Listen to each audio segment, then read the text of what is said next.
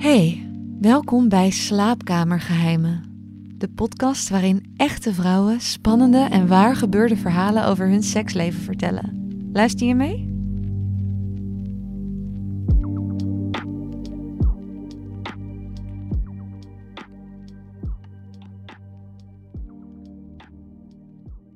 Tot mijn veertigste zag mijn seksleven er vrij normaal uit.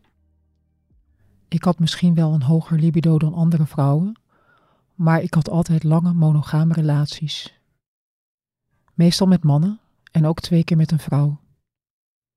Tegen de tijd dat ik veertig werd, kreeg ik een partner die me introduceerde in de wereld van seksfeestjes, swingen en clubs.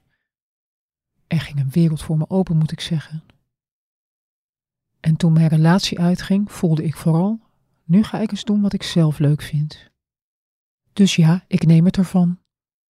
Zoals andere mensen in hun vrije tijd naar de kroeg gaan, zo ga ik naar seksclubs en privéfeestjes. Seks is mijn hobby, ik krijg er gewoon een kick van. Vooral als ik dan een man of een vrouw tref met wie ik een seksuele klik heb. Als het echt een goede klik is, wissel ik wel eens telefoonnummers uit. Dan app ik voordat ik naar de club ga even of er nog anderen van plan zijn om ook te komen.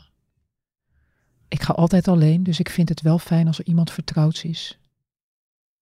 Het wereldje is ook niet erg groot, dus ik tref sowieso meestal wel bekenden. Niet dat ik voor de gezelligheid ga hoor, ik ga puur voor de seks. En ik voel me aangetrokken tot mensen die echt actie zoeken. Je hebt ook mensen die gewoon de hele avond rondhangen en zichzelf opgeilen door naar andere stellen te kijken. Daar ben ik niet zo van. Ik wil het vooral veel doen.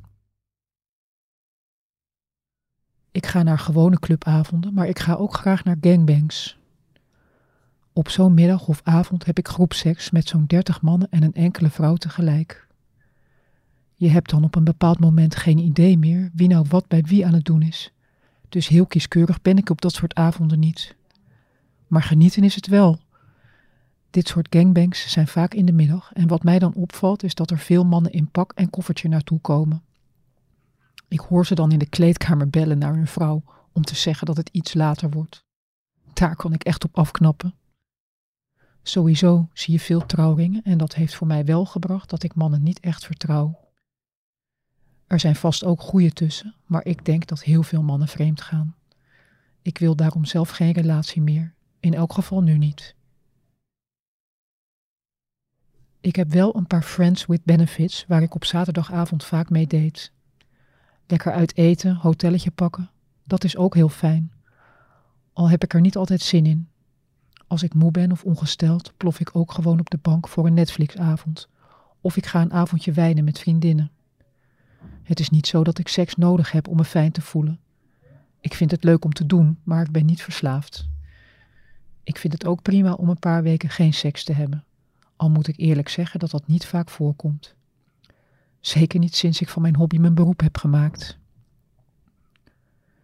Sinds een klein jaartje werk ik vier à vijf dagen per week als escort. Vind ik hartstikke leuk om te doen.